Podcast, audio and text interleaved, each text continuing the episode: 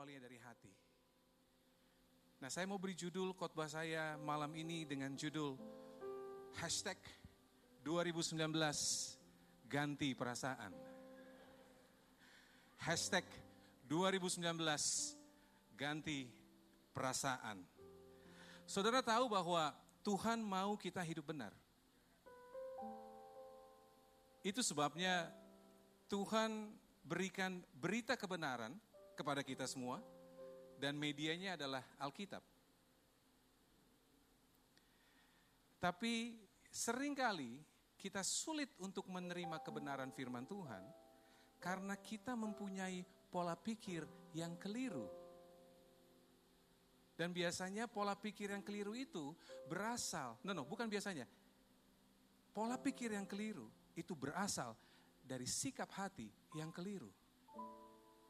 Jadi sebelum kita merubah pola pikir kita, Tuhan mau kita rubah sikap hati kita. Karena sikap hati kita beres, otomatis pola pikir kita pasti beres. Amin saudara? Saya mau kasih contoh, misalnya gini. Ada orang mau ke gereja, tujuannya diberkati. Gak ada yang salah dengan hal itu. Tapi akan menjadi salah kalau menjadi diberkati itu menjadi satu-satunya motivasi kita beribadah. Dan sayangnya, sudah banyak gereja yang mengajarkan bahwa kita ke gereja supaya kita diberkati saja. That's it, titik. Nggak koma, nggak lebih, nggak kurang. Buat saya, kita beribadah, tujuan utamanya adalah tahu apa pesan Tuhan pada kita. Dan kita harus taat kepada apa pesan Tuhan kepada kita. Urusan diberkati itu bukan urusan kita, itu urusannya Tuhan. Nah, lebih sering kita lebih senang mendengar firman-firman Tuhan yang isinya berkat, berkat, berkat, dan berkat. Tapi ketika firman Tuhan itu berisi pengajaran yang agak keras, banyak yang gak suka. Bahkan gak sedikit yang menjadi mempunyai akar pahit sama yang khotbah. Minggu depannya gak mau lagi ke gereja yang sama. Tapi ngakunya sudah dewasa secara rohani Padahal kalau kita mau dewasa secara rohani, kita harus siap sama makan makanan keras. Kita udah nggak level lagi minum susu. Jadi saudara, kalau saudara tahu, saudara percaya bahwa saudara itu sudah dewasa secara rohani, make sure ketika firman itu berupa makanan keras, saudara tersinggung atau enggak. Kalau saudara tersinggung, cek lagi. Apakah saya sudah betul-betul dewasa? Atau saya pikir saya dewasa, padahal saya masih kekanak-kanakan secara rohani. Jadi hal-hal tersebut adalah hal yang Tuhan mau kita rubah. Supaya apa? Supaya kita bisa bisa sejalan dengan apa kehendak Tuhan dalam diri kita. Nah, sering kali ketika kita menghadapi persoalan, sering kali ketika kita menghadapi masalah, kita berdoa begini, Tuhan, Seringkali kita berdoa begini, Tuhan semoga masalah ini cepat berlalu. Saya nggak mau lama-lama menghadapi masalah ini. Tuhan, saya berdoa agar supaya sakit saya segera sembuh. Tuhan, saya berdoa agar supaya hutang saya cepat lunas, tapi nggak dibayar-bayar. Tuhan, saya pengen sakit saya sembuh, tapi saya nggak minum obat. Tuhan, saya pengen pengen uh, persoalan saya segera diatasi, tapi nggak diselesaikan. Saudara, berdoa itu penting. Tapi ingat, berdoa justru pada saat berdoa kita bisa tahu apa kehendak Tuhan terhadap persoalan yang kita hadapi. Jadi kita berdoa, jangan hanya ngomong maunya kita, tapi kita belajar untuk tahu apa maunya Tuhan terhadap kita. Banyak di antara kita ketika sakit, doa tumpang tangan tapi nggak minum obat. Hei, nggak ada yang salah dengan minum dengan tumpang tangan. Tapi saya mau kasih tahu, yang namanya sakit, minum obat. Bagian kita minum obat, bagian Tuhan menyembuhkan. Jangan kita ambil bagiannya Tuhan. Kita percaya bahwa dengan tumpang tangan dan minyak, sakit penyakit sembuh di dalam nama Tuhan Yesus. Saya percaya itu. Tapi jangan lupa, minum obat. Amin. Nah, jadi saudara, instead of kita minta supaya persoalan itu pergi dari kita, kita berdoa agar supaya kita diberi kekuatan bisa melewati persoalan itu. Jadi kita rubah, rubah polanya bukan sekeliling kita yang harus berubah, tapi dalam kita yang harus berubah. Karena Tuhan mau kita berubah dari dalam kita. Terkadang Tuhan bukan merubah situasi di sekeliling kita, tapi Tuhan merubah apa yang di dalam kita supaya kita bisa berjalan menghadapi persoalan di sekeliling kita. Nah, supaya bisa melakukan seperti itu, Roma 12 ayat 2 dikatakan begini, janganlah engkau menjadi serupa dengan dunia ini, tetapi perbaharuilah dengan pembaruan apa? akal budimu. Katakan akal budi. Nah, kalau kita punya perubahan akal budi, otomatis kita bisa sinkron sama maunya Tuhan. Tapi saudara tahu bahwa akal budi, pikiran itu sumbernya dari hati. Saudara tahu nggak itu?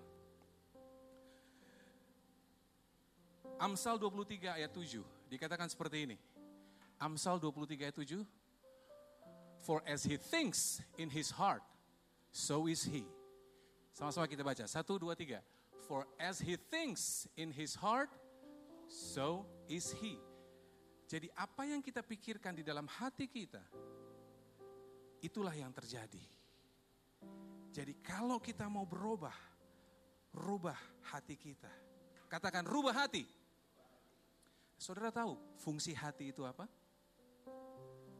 Ada banyak sekali fungsi hati, tapi saya membuat versi saya ada empat fungsi hati.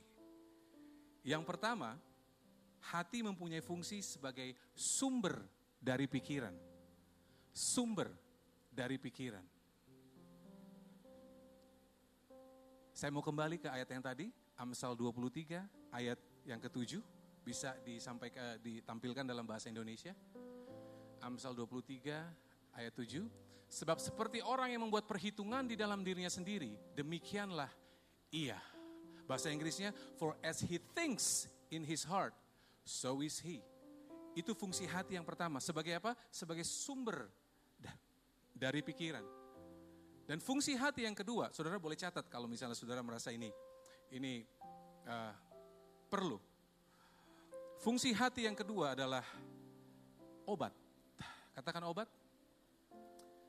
Amsal 17 yang kedua ayat yang ke-22 dikatakan hati yang gembira adalah obat yang manjur. Tetapi semangat yang patah mengeringkan tulang. Jadi hati merupakan obat yang manjur.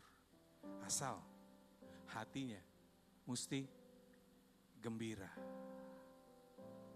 Fungsi yang ketiga dari hati adalah merupakan pancaran kehidupan.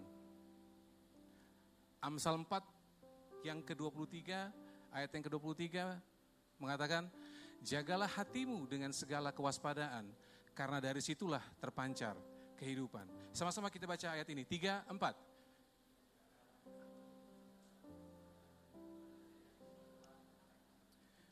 Jadi apa yang berasal dari hati itu akan terpancar di dalam kehidupan kita.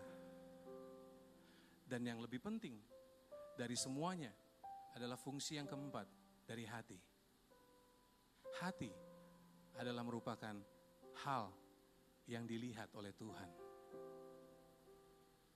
1 Samuel 16 ayat yang ketujuh. Tetapi berfirmanlah Tuhan kepada Samuel, janganlah pandang parasnya atau perawakannya yang tinggi, sebab aku telah menolaknya. Sama-sama kita baca yuk. Tiga, empat. Bukan yang dilihat manusia, yang dilihat Allah. Manusia melihat apa yang di depan mata, tetapi Tuhan melihat hati.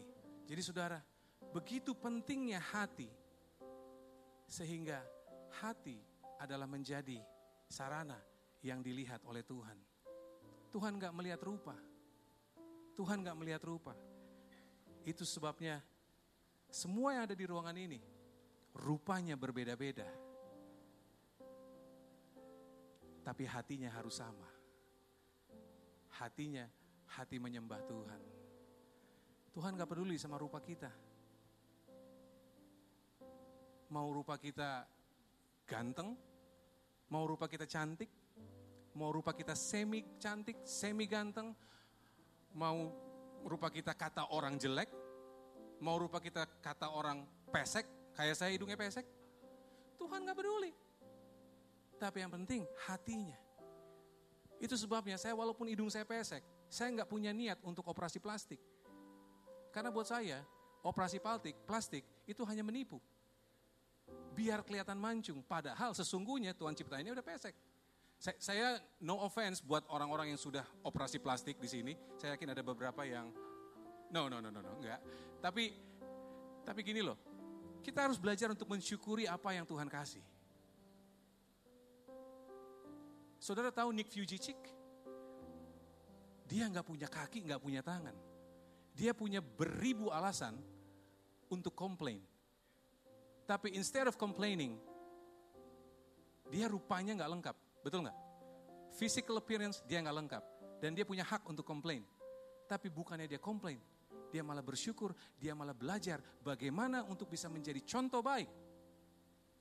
Dan itu dia buktikan berapa juta orang yang sudah diberkati dengan dengan dengan seorang Nick Vujicic yang nggak punya tangan, nggak punya kaki. Kalau Nick Vujicic bisa begitu, terus kenapa kita yang organ tubuhnya jauh lebih lengkap dibanding Nick Vujicic masih mencoba untuk melihat rupa, masih mencoba untuk melihat rupa sebagai sarana atau syarat untuk melayani Tuhan. Jangan saudara, jangan pernah lihat itu. Empat syarat itu, empat, empat fungsi hati itu saya, saya harap bisa bisa menjadi pelajaran buat kita bahwa fungsi memiliki keempat empat, empat uh, hal seperti yang tadi. Persoalannya begini saudara, awalnya kita mendapatkan hati yang baik. Tapi kemudian hal-hal yang bersifat keduniawian membuat kita mempunyai hati yang semakin mirip dengan dunia. Dan itu yang Tuhan gak mau. Hal-hal keduniawian banyak berha bisa dibilang gini, hal-hal keduniawian berhasil untuk mengisi hati kita. Sehingga hati yang tadinya baik menjadi hati yang jahat. Nah, saya mau bagi hati ini ke dalam dua jenis. Hati yang lembut dan hati yang keras. Hati yang lembut dan hati yang keras. Let's say hati yang lembut seperti ini. Kenapa saya bilang lembut? Karena hati yang lembut ini bisa dilihat, bisa dibentuk bisa gini ya? Nah, hati yang lembut bisa lihat. Bisa dibentuk mau menjadi dibentuk seperti ini? Bisa. Mau dibentuk seperti ini? Bisa. Hati yang lembut. Sedangkan hati yang keras seperti batu. Mau kita remes nggak berubah bentuknya. Mau kita cubit nggak berubah. Mau kita lempar ke bawah Mungkin karpetnya yang rusak. Karena ini sangat keras, sangat solid. Jadi saudara, awalnya Tuhan memberikan kita hati seperti ini. Tapi karena hal-hal yang sifatnya keduniawian, hati kita berubah menjadi seperti ini. Kita buka Matius 15 ayat yang ke-19. Matius 15 ayat yang ke-19. Karena dari hati timbul segala pikiran jahat, pembunuhan, perzinahan, percabulan, pencurian, sumpah palsu, dan hujat. Saudara, kalau kita hidup sesuai dengan maunya dunia, maka kita akan memiliki pikiran jahat, pembunuhan, perzinahan, percabulan, pencurian, sumpah palsu, dan hujat.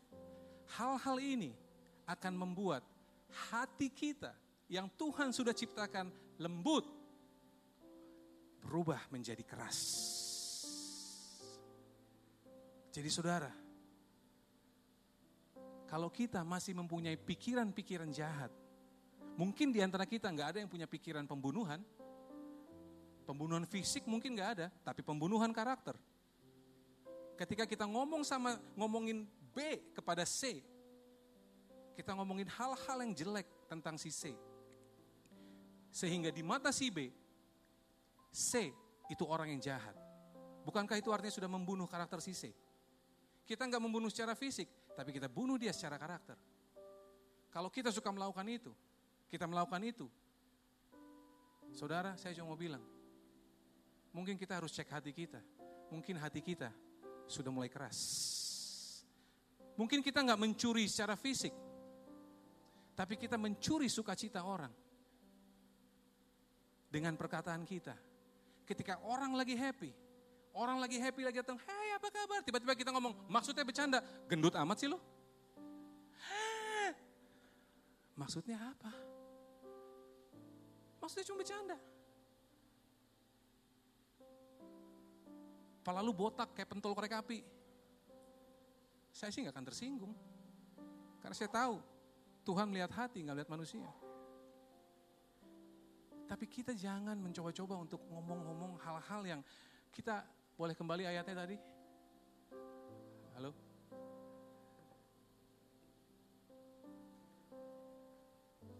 Pikiran jahat, pembunuhan karakter, terus perzinahan. Saudara, kalau saudara suka berzina, saudara punya hati yang keras. Tapi saya tahu di ruangan ini nggak ada yang suka berzina. Secara fisik, yes, tidak ada yang suka berzina. Tapi siapa tahu, secara pikiran, kita nggak tahu. Uh, cantik juga dia ya. Oke, oh ganteng juga dia ya. Masih oke okay, ya. Aduh, pengen gue cium bibirnya. Aduh, pengen gue peluk. Aduh, pengen gue cit, yang lain-lain. Kalau kita masih punya seperti itu, kita mungkin nggak berzina secara fisik, tapi kita sudah berzina secara pikiran. Stop doing that. Hal-hal yang tadi adalah merupakan contoh dari hati yang keras. Sedangkan Tuhan maunya kita punya hati yang lembut. Apa itu hati yang lembut? Kalau di hati yang keras ada pikiran jahat, maka di hati yang lembut ada pikiran baik. Kalau di hati yang jahat ada pembunuhan, maka di hati yang lembut ada kehidupan. Pikiran baik, kehidupan, kesetiaan, kekudusan, kebenaran, kebenaran dan pujian. Itu adalah hal-hal yang terdapat di dalam hati yang baik. Amin, saudara. Sampai sini saudara bisa bisa mengikuti saya? Nah, sekarang saya mau kasih tahu bahwa siapa yang percaya bahwa Tuhan Yesus adalah sumber air kehidupan. Siapa yang percaya? Saya percaya nggak angkat tangan, percaya tetap percaya, cuma malu-malu untuk angkat tangan. Tuhan Yesus adalah merupakan sumber dari air kehidupan. Yohanes 4 ayat 14 mengatakan seperti ini. Tetapi barang siapa minum air yang akan kuberikan kepadanya, ia tidak akan haus untuk selama-lamanya. Sebaliknya, air yang akan kuberikan kepadanya akan menjadi mata air di dalam dirinya. Yang terus-menerus memancar sampai kepada hidup yang kekal. Jadi, saudara, saya mau ambil ilustrasi yang tadi, saya mau terusin. Saya mau ambil contoh air air ini. Saya udah bikin stiker bagus-bagus tulisannya firman Tuhan. Tuh lihat. Saya mau anggap, saya mau ajak saudara untuk menganggap bahwa ini adalah Tuhan Yesus dan ini adalah air kehidupan. Oke? Kita coba lihat. Saya mau tuangkan air kehidupan firman Tuhan ini ke mangkok yang sini dan mangkok yang ini. Kita lihat perbedaannya. Ini adalah hati yang keras. ketika firman Tuhan menegur dia, ketika di orang-orang yang mempunyai hati yang keras mendengar kebenaran akan firman Tuhan. Jadinya seperti ini. Firmannya ada. Tapi firmannya nggak masuk ke dalam hatinya. Firmannya ada, tapi dia nggak masuk ke dalam hatinya. Berbeda dengan kalau kita memiliki hati yang lembut, ketika firman Tuhan itu bicara,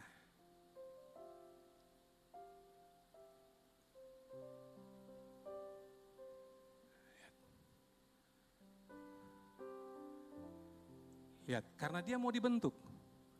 Karena dia mau diperes-peres. Karena dia mau di, di segala macam dibentuk.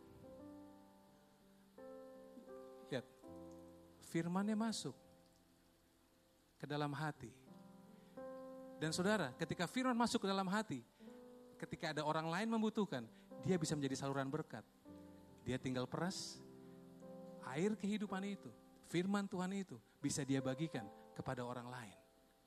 Itu dampak kalau misalnya kita mempunyai hati yang lembut, hati yang taat, hati yang mau dibentuk.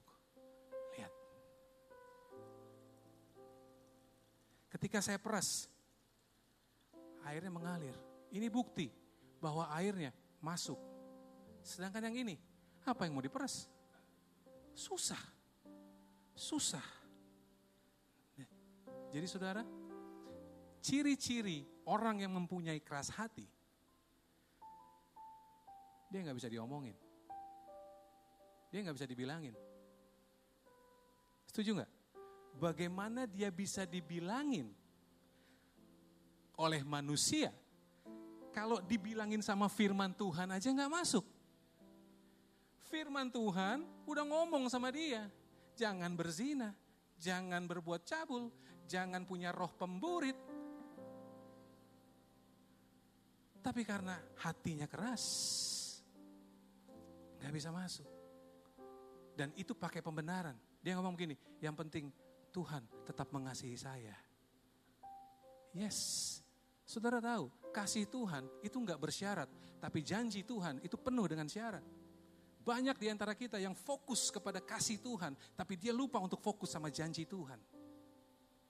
Dan saya mau ajak kita semua di sini, bukan hanya sekedar kita memikirkan dan fokus kepada kasih Tuhan yang gak pernah berkesudahan dan tidak pernah bersyarat. Tapi jangan lupa kita juga harus punya pemikiran fokus kepada janji Tuhan yang penuh dengan syarat. Amin.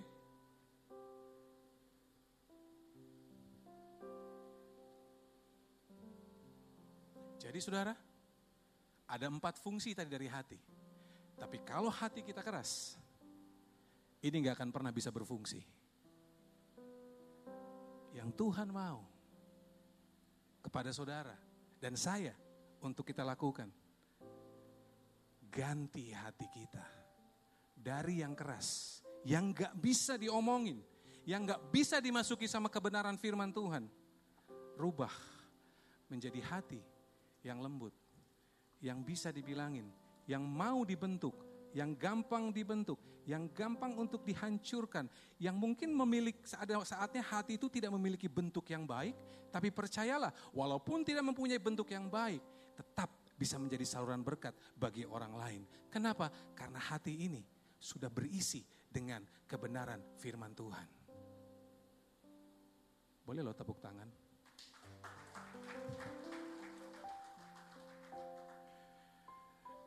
Sampai sini saudara mengikuti? Nah, tadi saya bilang bahwa Tuhan mau kita ganti hati. Betul? Dari hati yang keras menjadi hati yang lembut. Tapi saya mau kasih kabar baik buat saudara semua di sini. Ternyata bukan hanya kita yang harus ganti hati kita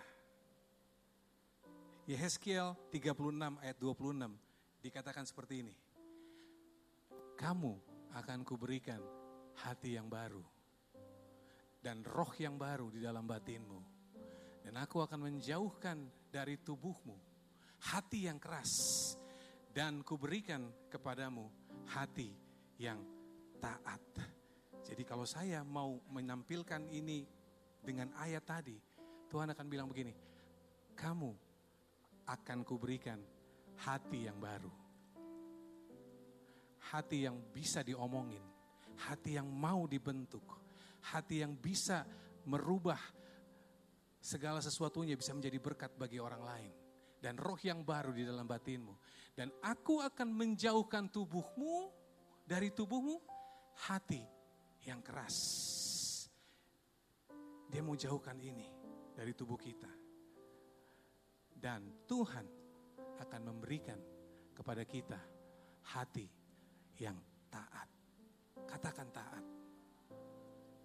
Jadi saudara, bukan hanya kita, tapi Tuhan, Tuhan sendiri yang akan mengganti hati kita, hati saudara dan saya yang tadinya keras menjadi hati baru yang taat.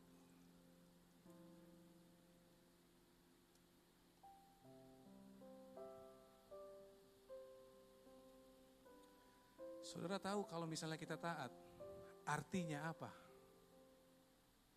Hati yang lembut itu berarti hati yang taat. Dan apa itu artinya hati yang taat? Yohanes 14 ayat 21 bilang begini. Barang siapa memegang perintahku dan melakukannya, dialah yang mengasihi aku. Dan barang siapa mengasihi aku, ia akan dikasihi oleh Bapakku dan aku pun akan mengasihi dia dan akan menyatakan diriku kepadanya. Saudara, kalau kita mempunyai hati yang taat, kita berkata, ini Tuhan Yesus sendiri yang ngomong. Kalau kita punya hati yang taat, artinya apa? Kita mengasihi dia. Berapa banyak di antara kita yang mengasihi Tuhan? Berapa banyak di antara kita bahwa ada firman Tuhan yang mengatakan jangan membunuh. Siapa yang tahu bahwa kita tidak boleh membunuh? Jangan berzina. Jangan mencuri. Jangan mengingini sesamamu. Jangan ada Allah lain di hadapanku. Kita semua tahu itu. Dan kalau kita melakukan itu, itu adalah merupakan dosa. Sudah sepakat sama saya? Sepakat? Saya yakin semua nggak ada yang melakukan itu di sini. Ketika ada bicara jangan, maka konsekuensinya kalau kita lakukan adalah dosa. Betul? Sekarang firman yang sama, Alkitab yang sama mengatakan begini, jangan khawatir. Kalau ada jangan, tapi kita lakukan, tadi apa konsekuensinya adalah dosa. Kalau kita bilang jangan membunuh, firman Tuhan mengatakan jangan membunuh, tapi kita membunuh, berarti kita berdosa. Kalau Alkitab bilang jangan berzina, tapi kita berzina, berarti kita berdosa. Kalau Alkitab bilang jangan khawatir, tapi kita khawatir, berarti kita ber... Ada berapa banyak yang masih suka khawatir di sini? Angkat tangan, gak ada masalah. Saya sendiri masih khawatir. Saya sendiri masih khawatir. Ada satu pergumulan yang saat ini sedang kami alami. Saya lihat di sini ada ada anaknya Pak Robert Sutanto ya. Halo Ragel, apa kabar? Yes. Bukan suatu kebetulan, saya tahu pergumulan beliau karena saya mengikuti um, Instagram ya. Tapi ternyata istri saya mempunyai hal yang sama yang dialami oleh Pak Robert. Istri saya saat ini sedang menjalani kemoterapi. Itu sebabnya kepala saya botak. Saya mau mengikuti uh, apa ya? Saya mau mencoba untuk memberikan support kepada istri saya dengan ngebotakin kepala saya. Karena istri saya sekarang sudah botak. Saudara, mempunyai orang yang dikasihi dan sedang menderita suatu penyakit yang yang nggak enak, gimana rasanya? Bohong kalau saya nggak khawatir. Bohong kalau saya nggak khawatir. Tapi saudara, firman Tuhan gak bilang begini, jangan khawatir kecuali kamu punya cancer. Jangan khawatir kecuali tanganmu cuma satu. Jangan khawatir kecuali kakimu cuma Ada tiga. Firman Tuhan nggak bilang begitu. Firman Tuhan bilang ini, jangan khawatir. That's it. Jadi kalau kita khawatir, kita berdosa. Saya akui, saya dan istri masih khawatir. Saya nggak tahu nanti ke depannya seperti apa. Walaupun saya tahu kebenaran firman. Saya tahu istri saya sembuh. Apa yang dijalani oleh istri saya itu membuat membuat saya yakin bahwa yang namanya cancer itu nggak akan ada lagi dalam diri istri saya. Tapi ngejalaninnya, hmm, setiap kemo itu 8 jam, habis kemo sampai hari ini, makanya istri saya nggak datang. Sampai hari ini, fisiknya masih nggak bagus, masih lemes, masih masih eh, mana, tapi dia tahu dia mesti lawan ini. Jadi saudara, saya di sini bukan mau bilang bahwa boleh khawatir. No, no, no, no, no, no, no. Saya aja dan istri dengan keadaan seperti ini masih tetap berusaha keras untuk supaya tidak khawatir. Dengan kondisi istri saya yang cancer. Sekarang saya mau tanya. Saya mau tanya. Ada saudara di sini yang punya sakit cancer? Gak ada. Yang cancer aja nggak khawatir, apalagi yang nggak cancer. Halo? Saudara nggak usah khawatir tentang masa depan saudara. Saudara nggak usah khawatir dengan dengan apa yang mesti kita makan besok. Saudara nggak usah khawatir dengan dengan gaji saya kok nggak naik-naik. Saudara nggak usah khawatir dengan apa pun yang menjadi hal yang wajar secara dunia untuk dikhawatirkan. No, itu cara dunia. Dan iblis berusaha untuk tetap terus membuat kita khawatir. Dengan cara yang halus. Dia nggak bilang begini, kamu harus khawatir. No. Dia dengan halus akan ngomong gini. Lu yakin istri lu bakal sembuh? Banyak loh di sana yang punya cancer nggak survive. No, usia saya masih stadium satu kok. Emang nggak banyak yang stadium satu terus nggak berhasil. Saudara, pikiran-pikiran itu terus masuk ke dalam pikiran saya dan istri.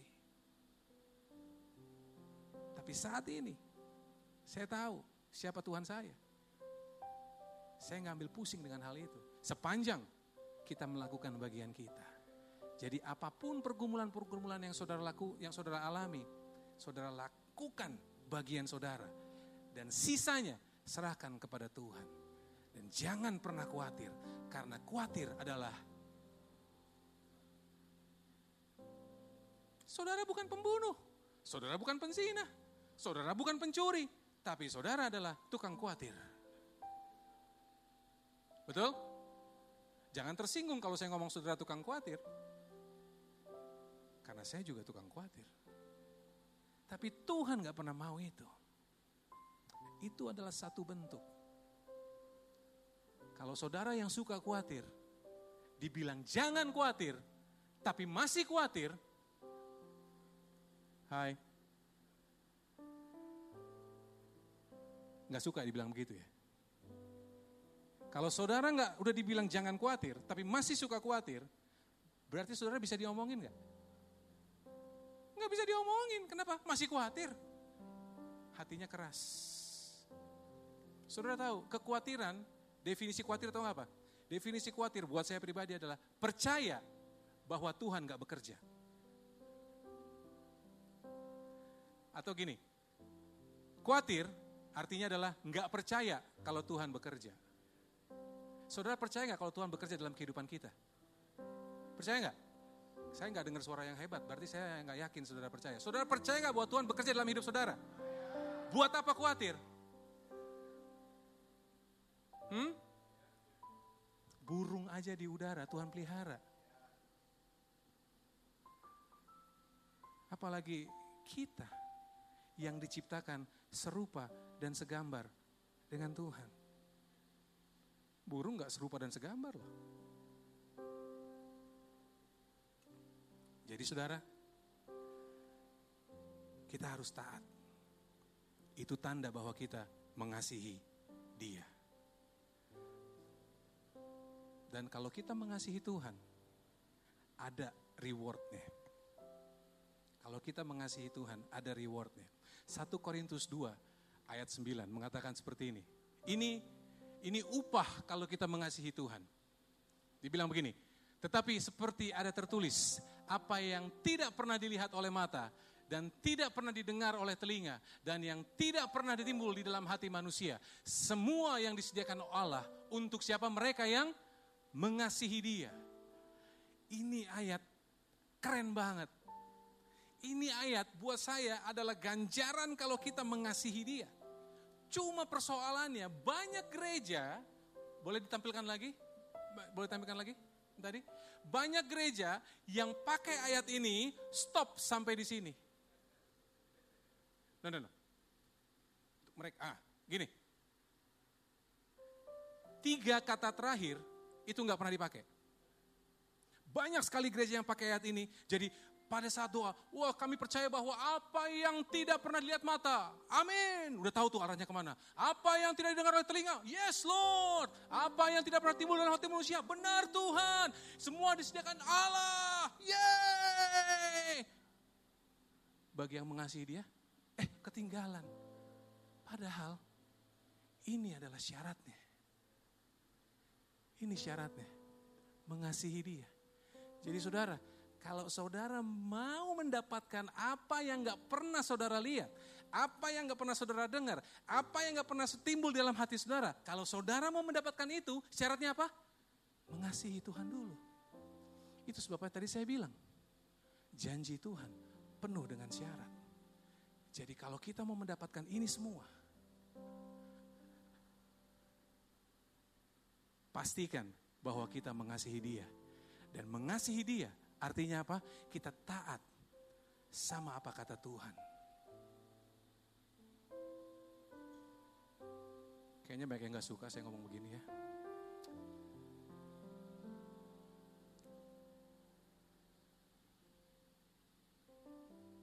Jadi saudara, Kalau kita masih punya hati yang keras,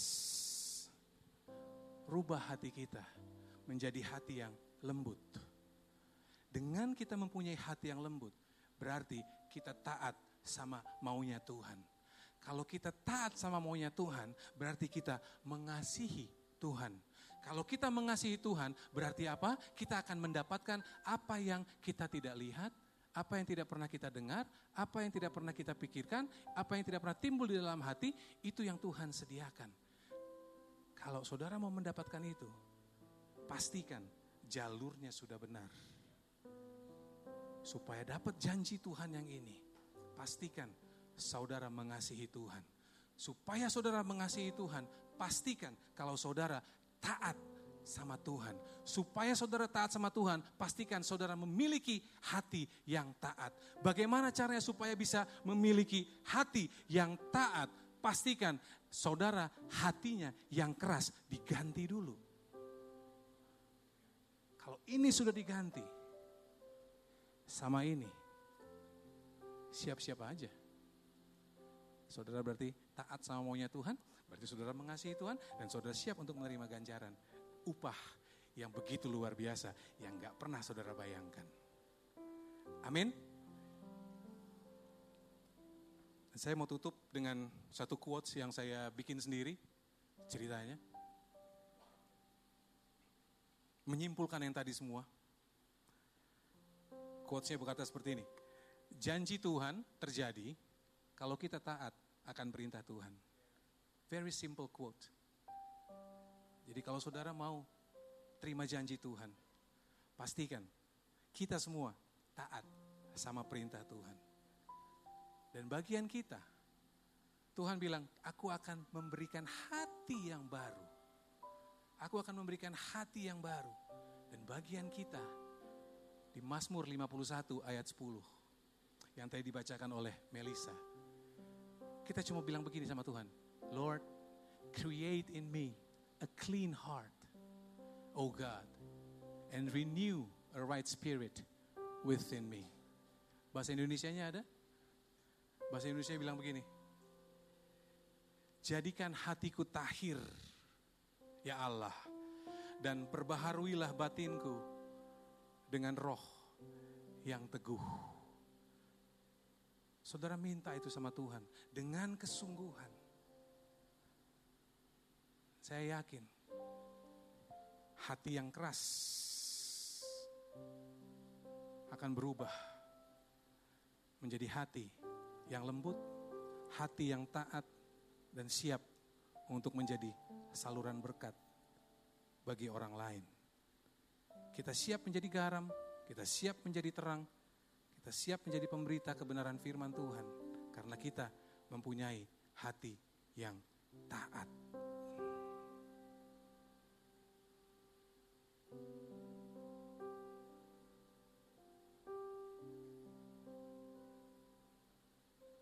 Dan bagian kita mengubah semuanya itu. Karena sebagaimana firman Tuhan bilang, anggur yang baru gak akan pernah bisa diterima oleh kirbat yang lama. Mari kita ganti kirbat hati kita dari hati yang keras menjadi hati yang lembut, supaya anggur baru itu bisa kita tampung dengan hati kita.